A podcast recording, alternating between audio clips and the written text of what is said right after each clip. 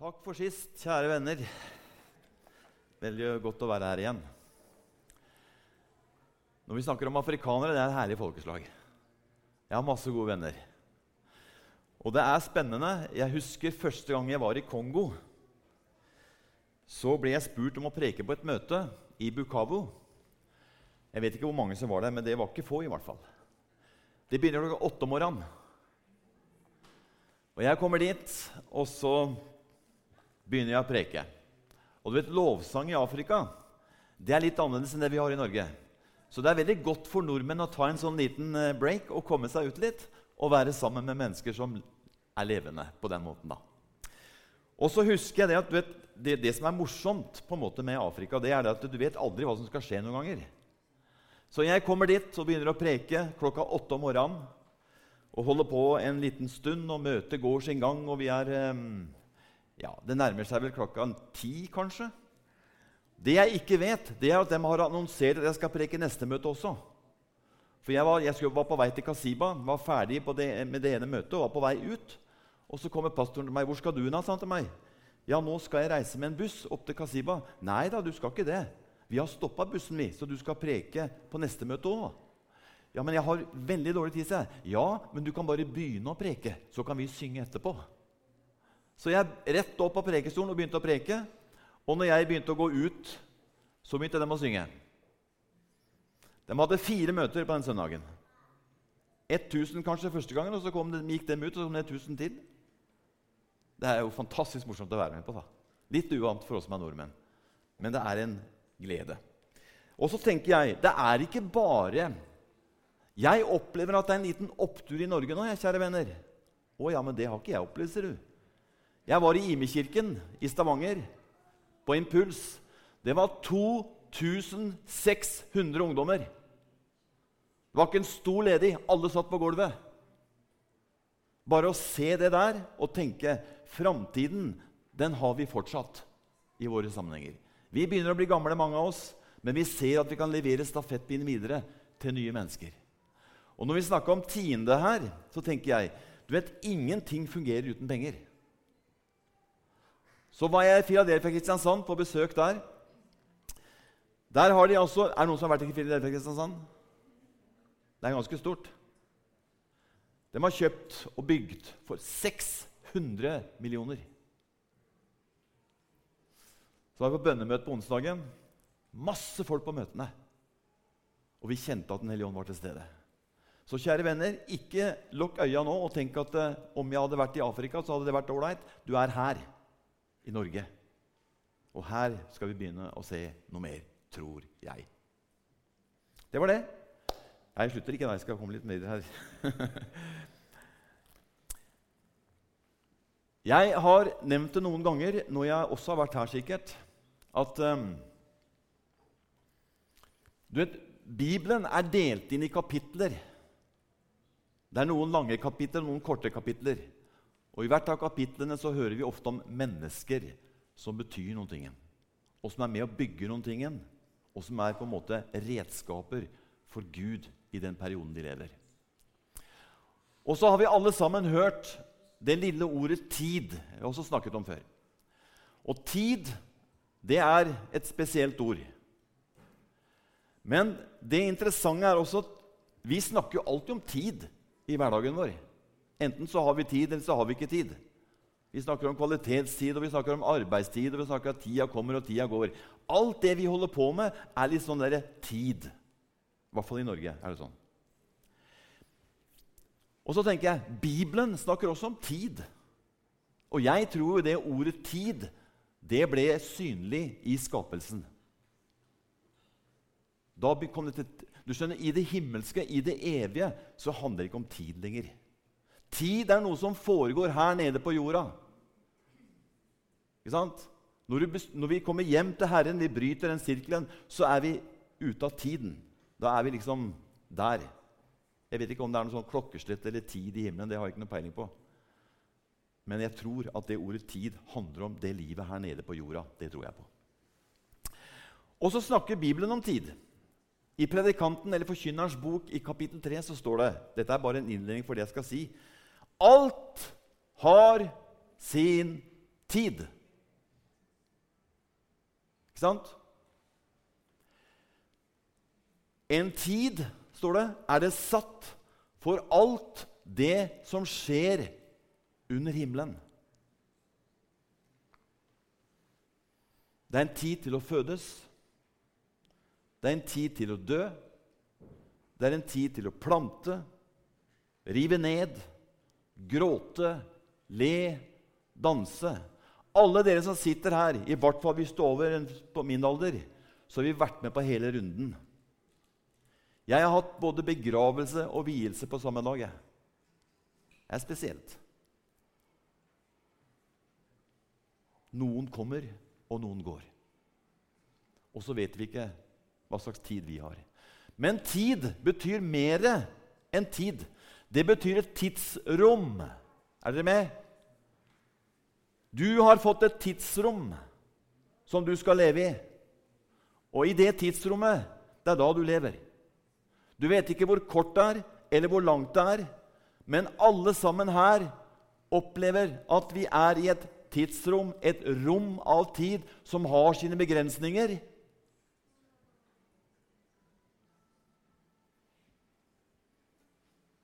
Det kan også bety en tidsperiode. Og For å gjøre en lang historie litt kortere så var det Gud som innførte noe av det her. Det står om det skal være til tegn som fastsetter tider, dager og år. Og så er dette veldig sårbart. Jeg vet ikke hvor mange mennesker jeg har møtt opp igjennom som har hatt det vanskelig også. Absolutt sårbart. Og så har jeg fått et spesielt budskap i dag. Jeg, jeg, jeg, jeg, har, vært veldig spent. Det har jeg hatt to dager på meg. Jeg hadde planlagt noe helt annet. Og så må jeg noen ganger tenke kjære Gud, hvis dette er dette han skal ha i dag, så skal han få det. Men nå må du hjelpe meg. Vi lever nå i det Bibelen kaller de siste dager. Eller den tidsperioden som handler om de siste dager. Hebreerbrev 1. Og Så begynner selvfølgelig mange å tenke at ja vel, hvor mye tid har jeg igjen? Det tror jeg ikke skal være fokuset. Du skal leve den tida du har fått. Det står et fantastisk ord som du kan få med fra David, den engelske oversettelsen. Han sier um, David, Kong David var en tjener for Guds plan i sin tid, i sin generasjon. Det er nå du lever. Det er nå du kan gjøre en forskjell. Det er nå du kan være med å bygge noen ting. Du vet ikke hvor lenge du har, hvor mye tid du har. Men vi vet at nå ønsker vi å gjøre Guds tankegang synlig.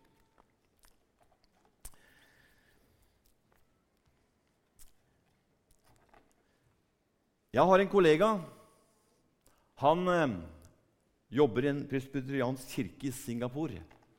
Han heter David Wang. Eh, David Wong, unnskyld, ikke David Wang. David Wong. Han har skrevet en bok om de siste tider. Men ikke på en sånn negativ måte, men rett og slett bare som en påminnelse. Den boka heter 'Finishing Well'. Det handler om å avslutte på en god måte. Eh, boken handler om mennesker som har vært i min situasjon, og som på en måte har dette ut helt på slutten. Det var over 30% av menighetsledere som har vært med hele livet, men kom ikke i mål. Det er litt alvorlig, den akademiten der.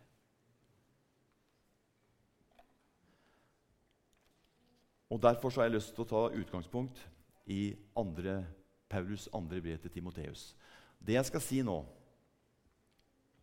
Hvis noen kjenner for å ta en prat med meg etter møtet, så vil jeg gjerne det. Fordi dette har jeg tenkt på, og jeg vil at det skal være et utgangspunkt for det jeg skal si. Så du er hjertelig velkommen til å ta kontakt med meg. Jeg vil gjerne snakke med deg, jeg vil gjerne be for deg. Så du må bare være frimodig på det.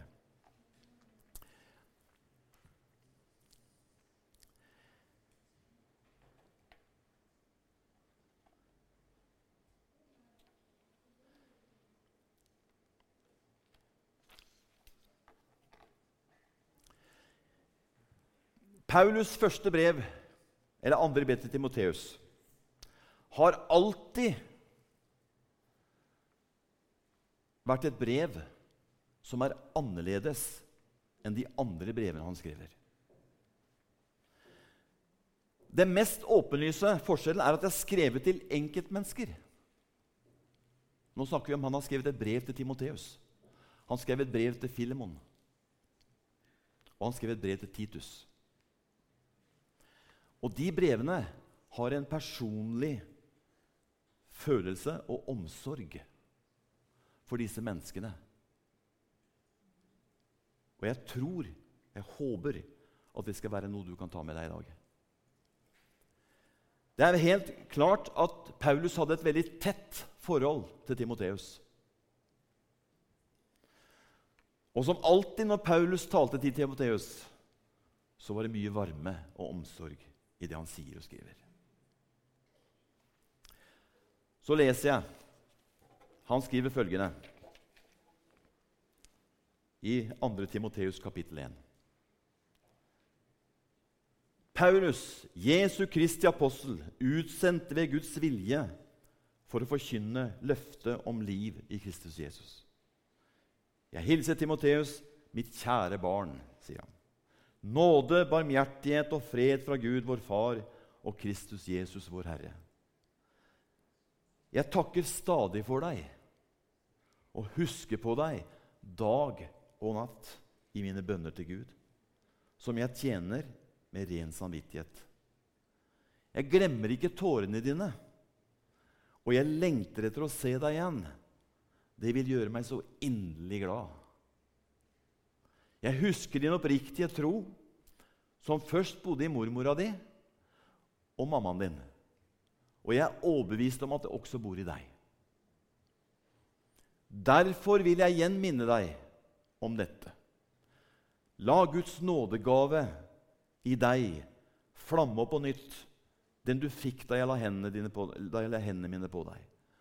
For Gud, oss, eh, for Gud ga oss ikke en ånd som gjør motløs, vi fikk Ånden som gir kraft, kjærlighet og visdom. Han frelste oss og kalte oss med et hellig navn, ikke pga. våre gjerninger, men etter sin egen vilje og nåde, som Gud har gitt oss. Så i avslutningen av kapittel 1 skriver han.: Ha de sunne ord du har hørt av meg, som forbilde. Ta vare på den vakre skatten som er betrodd deg ved Den hellige ånd som bor i oss. Det kan virke som om Timoteus her var inne i en vanskelig periode i livet sitt. Det kan også virke som om Paulus var oppdatert. Derfor så skrev han dette brevet. Det jeg opplever når jeg leser det her, det er omsorg. Og i dag ønsker jeg å vise deg omsorg. For det finnes mennesker her i dag som har en vanskelig periode. Og livet ikke går på skinner. Både på hjemmefronten og på utsida. Det er eneste grunn til at jeg er her i dag. Så blir du litt engstelig, kanskje. Det skal du ikke bli. For jeg føler i dag så er det min oppgave å betjene dere. Og jeg håper at du, når du sitter her og tenker på ditt, og hvordan du har det og føler det, vær så snill, lever det fra deg hvis du kan. Så skal jeg være med og be for deg. Så spør jeg dere hvor mange ganger har du vært lei av å gå på møter?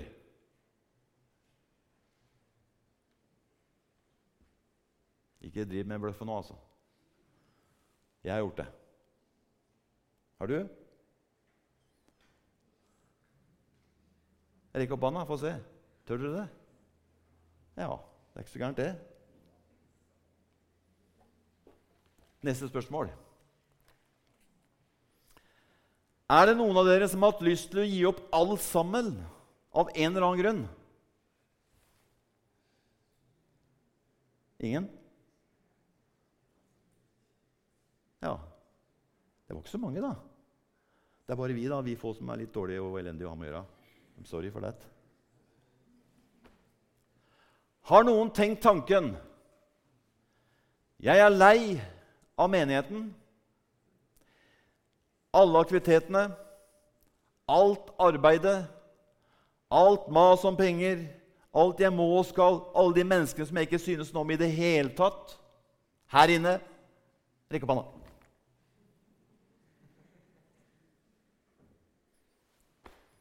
Da er en god nyhet. Det her er ikke uvanlig. Vi er familie, kjære venner. Jeg tror noen ganger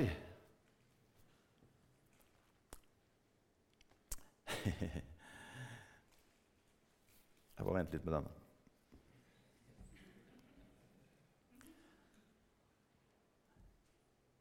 Jeg, jeg er glad i Ole Paus. Jeg, da. Jeg syns han har noen tekster som slår veldig godt an. Han sa en gang at eh, de sier at det blåser på toppene, men jammen er det kaldt i bånn også. Nå snakker jeg til dere, mennesker av kjøtt og blod, som har vært med på mange danser og runddanser og gått opp og ned. Dere som sitter her, og som fortsatt sitter her. Det er det livet vi har. Og så fant jeg et lite ord. Vet du at ordet 'utilfreds' har 21 synonymer på bokmålet? Og da er spørsmålet hva er et synonym?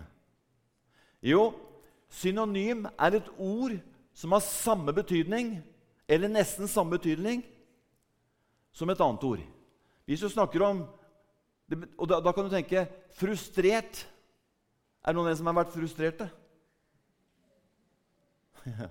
Halleluja. Gretten. Hvem har vært gretne her? Pastoren som står her, har vært gretten mange ganger. Hundrevis av ganger.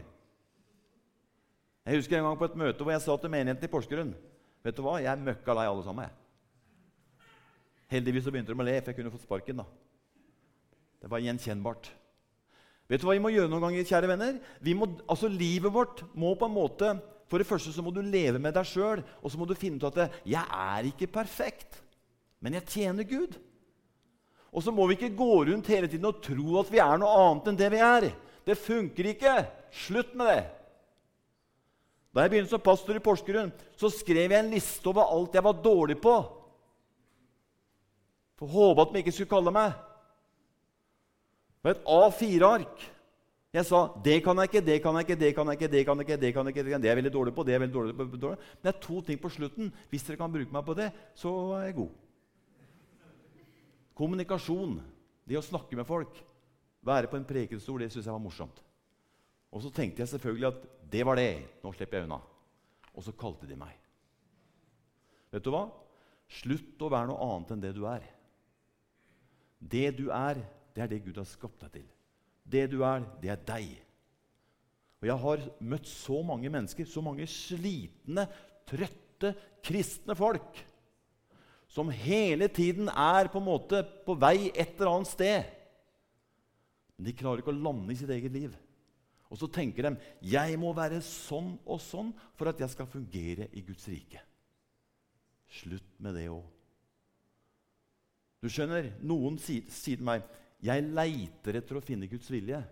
Det må du også slutte med. Du vokser inn i Guds vilje. Jeg har barnebarn det har jeg sagt før til dere, som jeg er fryktelig glad i, men de er fullstendig ubrukelige. Det er bare mat og mas og kos og alt sånt. Det er ikke noe mer enn å skifte bleier. og alt sånt. Jeg, stakk, jeg, altså, jeg har veldig sympati for småbarnsforeldre. Jeg har tre sjøl. Og noen ganger så lurer vel du også på hva i all verden har jeg gjort? jeg vet ikke om du lurer på det, men det, det lurer jeg på noen ganger. da. Men, men de er perfekte så langt de har kommet. Så de vokser inn i nye oppgaver. Dører åpner seg for dem. Du skal sørge for bare at du har din kontakt med Jesus. Så vil du etter hvert skjønne at noen dører åpner seg, og du går inn i dem. Du vokser inn i dem. Så sto det noe annet i forbindelse med det synonymet. Lang i maska. Eller skjegg i postkassa? Mellomfornøyd? Har du vært mellomfornøyd noen ganger? Ja, Du trenger å rekke opp hånda, for jeg tror, jeg tror gjerne at du har vært det. ja. Misfornøyd? Bare det ordet 'skuffet' Tenk hvor mange kristne mennesker som har vært skuffet fordi at livet ble ikke sånn de hadde tenkt det skulle bli. Så kan du grave deg ned hvis du vil, eller prøve å finne løsninger på det. Menigheten her på Heimdal, her har du hele spekteret av disse synonymene. Ikke fortell meg noe annet, for jeg tror ikke på det likevel. Jeg har levd for lenge. Det er sånn vi er noen ganger. Det svinger. Det var en som sa noen ganger så går vi på vannet, og andre ganger så går vi på veggen. Sånn er det bare. Det er disse menneskene som Gud skal bruke. Er ikke herlig? Du skjønner, du har ingenting å rose deg da. Det er veldig deilig. skjønner. Jeg sier til Gud noen ganger det er din skyld. Du har skapt meg sånn. Jeg kan ikke gjøre noe med det. Og han sier til meg noen ganger ja da, det er bra, det. Men vi kan forandre på noe. Det er ikke alt som er like bra, men, men, men det gjør han underveis. Vanskelig, en haugevis av ord, bitende, dyster Alt dette her sånn, er hva vi opplever noen ganger. Og skuffelse er det ordet jeg har møtt mest i kristne sammenhenger.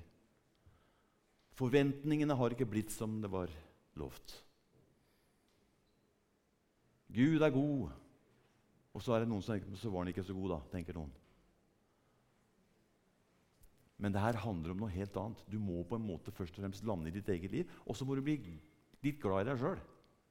Og så får du gå sammen med deg sjøl. Så er det noe som heter antonym, som betyr det motsatte av et annet. Som ond, god. Og så er det tilfreds, utilfreds.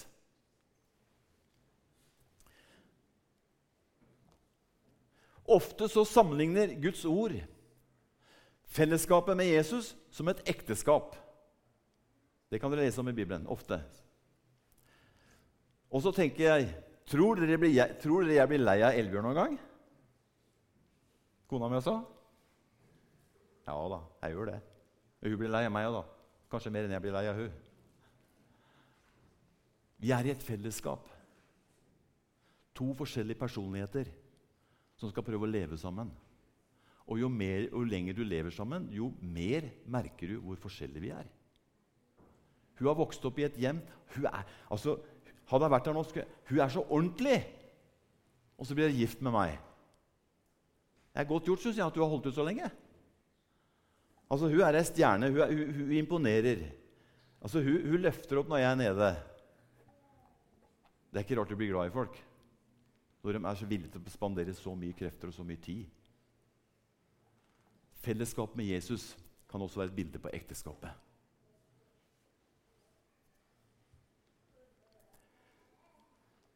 Tror dere Gud blir sjokkert over våre handlinger noen ganger?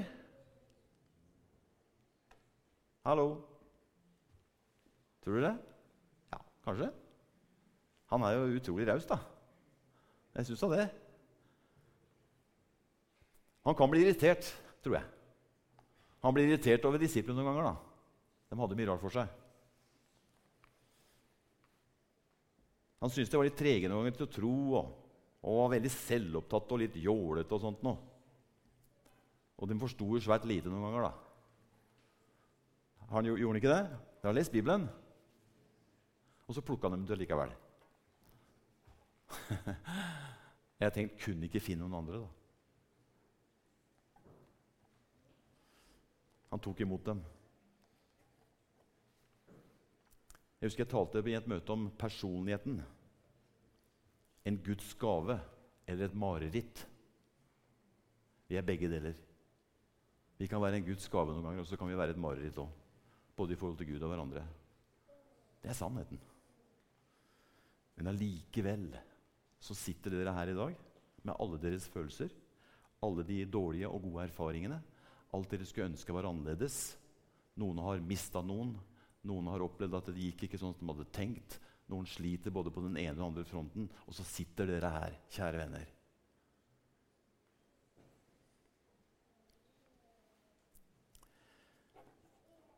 Når du leser historiene om disse menneskene som var brukt av Gud, og som var i tjeneste for han, så var det litt av hvert. Er det noen av dere som har lest om profeten Jonas? Jeg har aldri lest om en profet jeg, som har vært så uvillig. Han hadde ikke lyst til å gjøre noen ting. Han Han irriterte seg over at han tjente Gud til og med. Men han ble brukt av Gud. Han kom til Ninivi og skulle prøve å si noen vettuge ord som han hadde fått av Gud. som han skulle si til hele forsamlingen der. Og så omvendte han seg. Så ble han irritert på det også. Så sa han til Gud det var ikke det jeg sa. da. Kunne du ikke bare fikse det, så hadde jeg sluppet å gå den lange veien? han ble brukt av Gud.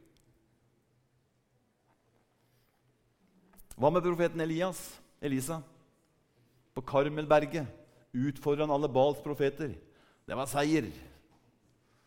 Og Neste kapittel så hadde han gått og gjemt seg i ei hule og ønska seg døden. Han orka ikke mer. Du skjønner, Det er kort vei fra suksess til fiasko i livet vårt, også som kristne. Og så går det veldig mye på det at vi føler oss ikke verdige. Vi føler på en måte at det blir, det blir liksom Gud er liksom ute etter oss. Han er ikke det, skjønner du. Han er ute etter å være sammen med deg og finne en slags type relasjon.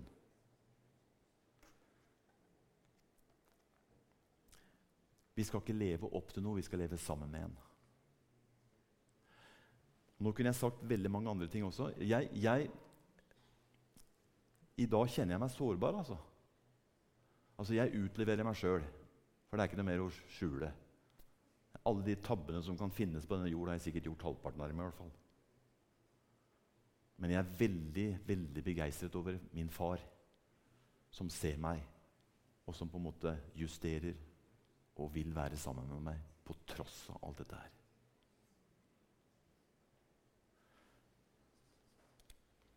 Det å istandsette folk, det å forløse mennesker til tjeneste i Guds rike, det er noe av det beste jeg gjør.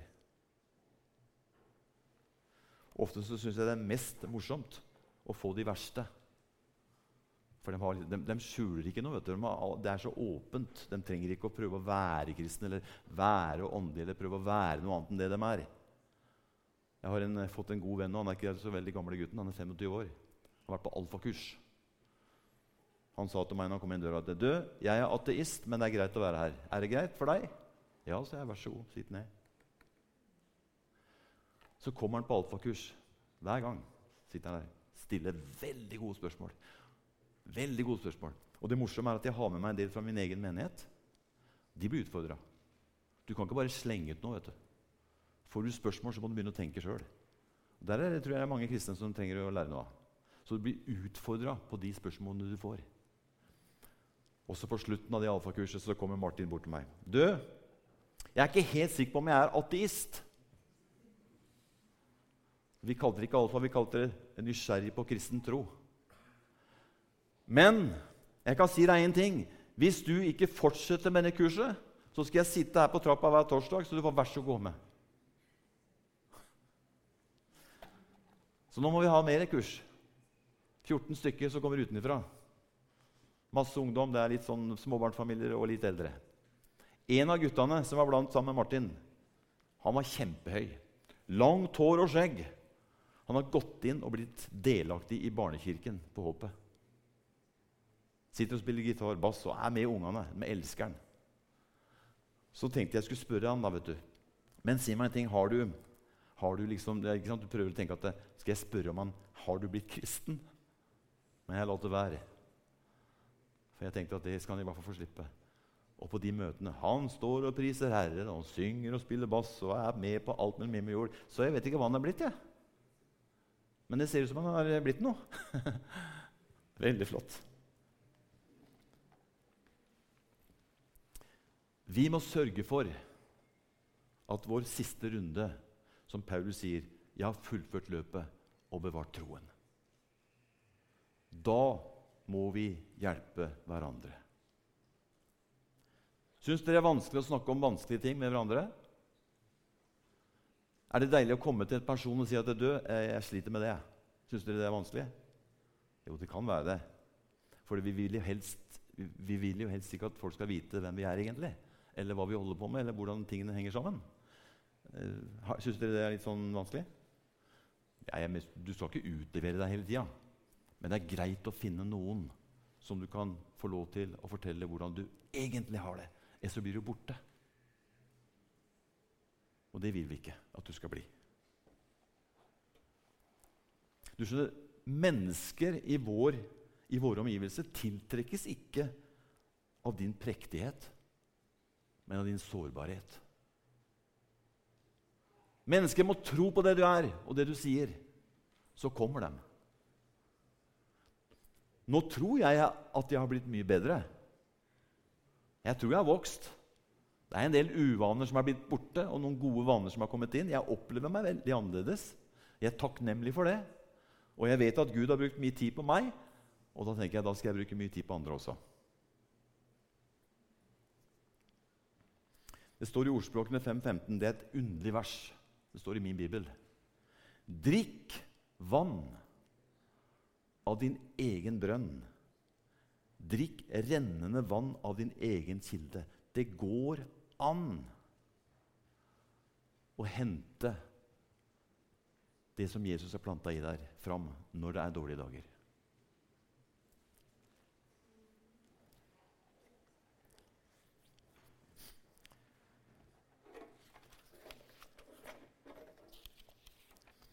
Jeg skal ta et par ting til før jeg skal gi meg. For meg så er det som skjer etter møtet, viktigst. Jeg ønsker å være her sammen med dere. Jeg liker å være sammen med folk. det gjør jeg. Men jeg liker også å være sammen med mennesker som jeg kan dytte litt og løfte dem ut av noen ting og være med og be for dem. For vi trenger hverandre.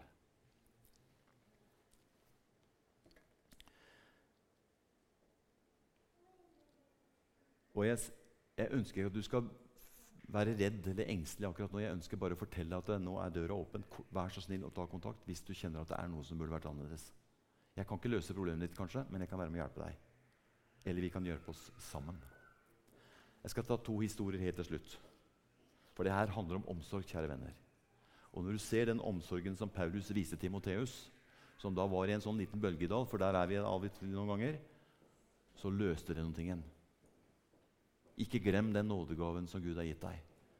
Tenn opp igjen den der og kom i gang igjen. Og det gjorde han. Den siste tiden så har jeg vært eh, borti to damer. Ja, Unnskyld uttrykket, det var ikke sånn ment. To damer som på en måte er litt yngre enn meg, men som har vært på alfakurs. Og den ene av dem hun har eh, gått lei alt som heter menighetsliv. Vært med siden du var født, oppvokst. Lei alt. Syns ikke om noen ting. Men så har jeg en venninne som ikke var lei. Og Hun kommer bort og sier du, kan ikke du være med meg på alfakurs. Jeg skal på alfakurs, men jeg vil ha med deg, for du er jo kjent med alt dette her, og du vet hva det handler om. Og så husker jeg Hun fortalte meg Kjersti etter at hun fortalte meg det etterpå, at jeg hadde jo ikke lyst til å gå på noe som helst. Og så kommer venninna mi som hadde lyst til å gå på alfakurs. Og jeg kunne jo ikke si nei. Så kommer de på alfakurs og setter seg ned. Og jeg kjente jo Kjersti Kalvene, at hun var langt av gårde. Hun var til og med utdanna diakon, har jobba som diakon i kristne sammenhenger i mange mange år. Og så sitter hun der, litt gretten og litt sur og litt sånn utilfreds. Og så sitter hun ved sida Vi kaller henne Cecilie. Og hun er med. Tar fram boka si, pennen sin og begynner å notere når vi underviser. Å, hører jeg bare. Å, det var fint. Å, det må jeg snakke med deg om, Vidar. Å, holder på. Og hun som sitter ved sida, som burde egentlig vært eh, kommet et stykke videre, hun blir mer og mer Sitter sånn liksom kikker på og tenker at dette her går jo aldri bra. Tenk da.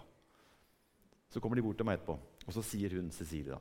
Du skjønner, hun, hun, jeg, jeg, spurte om hun ville være med på alfakurs, og så svarte hun ja. Og nå er vi her begge to. Så vi fortsetter.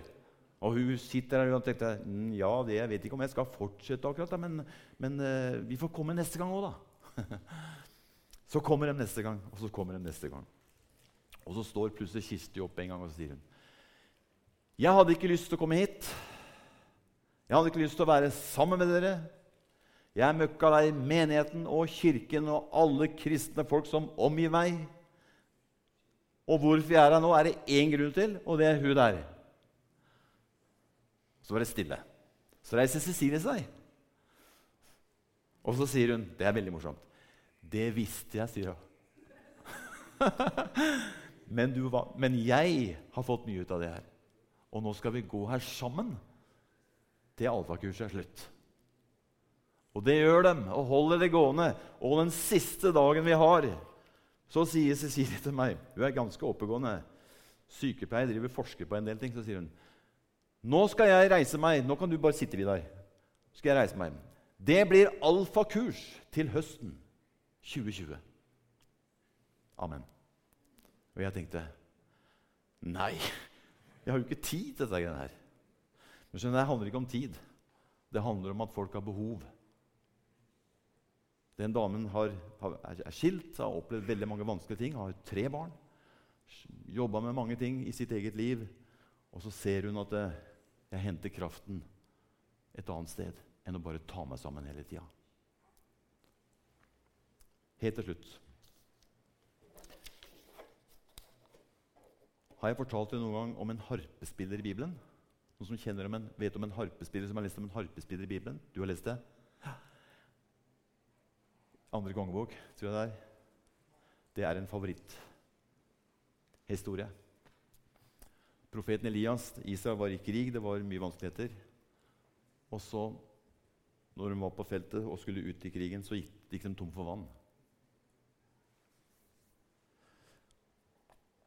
Og så hadde ikke Elias noe heller. Men så kommer en fantastisk setning som jeg elsker veldig godt. Du, eh, vi er tomme for vann her, og jeg har ingenting. Kan vi hente en harpespiller? da tenker jeg at det, var liksom en dårlig idé, da. De trengte vann, og så vil han ha en harpespiller. Og så kommer harpespilleren. Står ikke hva han het engang. Ingen vet noe om han. begynte han å spille på harpa si. Så begynte Elias å profetere. Vannet kommer, vannet kommer, vannet kommer. Vet du hva vi trenger? Vi trenger harpespillere i våre menigheter.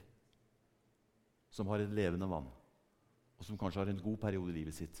Når du har en god periode, så hjelp folk som har en dårlig periode. Når du har en god dag, så hjelp andre som har en dårlig dag. Så fikk jeg en hilsen. Jeg håper jeg finner den nå. Og det var fra den diakonen som ikke var så begeistra for noen ting lenger. Hun sender meg en melding i går hvis jeg skulle preke et eller annet sted. Så skriver hun ehm, Pass på, sto det noe, et eller annet. Pass på at du er sammen med mennesker som du kan kjenne deg um, hva husker jeg for noe, um, avslappet med. Og som på en måte kan være med å løfte deg ut av den situasjonen du har vært i. Hilsen Kjersti. Jeg visste ikke hva jeg skulle preke om, men det passa veldig godt. I dag er vi sammen, jeg er sammen med dere, og jeg ønsker på en måte, jeg håper at jeg har klart å motivere dere til å se dere sjøl ikke som noen stakkarslige greier som nå er dette ut av alt som er, og ikke kan noen ting og vet ikke hva de skal gjøre videre fremover. Det er ikke derfor jeg er her. Jeg forteller bare at det, er vårt liv. Det er sårbart. Jeg har snakket med deg i dag. Mista mannen sin for ikke så lenge siden. Det er ikke enkelt. Eller jeg har mistet det, det, det, Irene og Martin Kay, dere vet hvem dem er? Imi-kirken. Pastor Imi-kirken. Dattera deres fikk et døvhørt barn. Han skulle preke på vår konferanse, kunne ikke komme. Altså, Det er ingen som slipper unna en del sånne bølgedaler. Men vi må ikke forlate Gud. Fordi han står der. Det er ikke bestandig du får det svaret du vil ha. Det er ikke det bestandig at du kanskje opplever å bli frisk. Eller forventningene som du har, kanskje ikke blir som det skulle være. Det kan godt hende. Men det er viktig for deg å tenke at det livet her, det varer en kort stund. Og det livet som kommer, det er evig. Og mens, og mens vi er i disse bølgedalene, så må vi hjelpe hverandre. Det er ingen vei tilbake. Og det er veldig godt å oppleve det. Jeg kan noen ganger bli veldig utålmodig. Det blir ikke min kone. Og når hun ser meg at jeg er utålmodig, så smiler hun. Det er det verste du kan være med på. vet du. Når du har en dårlig dag, så skal de smile til deg. Jeg kunne jo tenkt meg å kverke av en hel masse folk jeg, den, når jeg har det sånn. Og så smiler hun enda mer. Så blir jeg irritert, ikke sant? Blir lei, og så begynner jeg å tenke at det, slutt med det der. Og hun sier ikke noe, står bare og smiler. Og så sier hun så Du virker så morsom når du er sinna.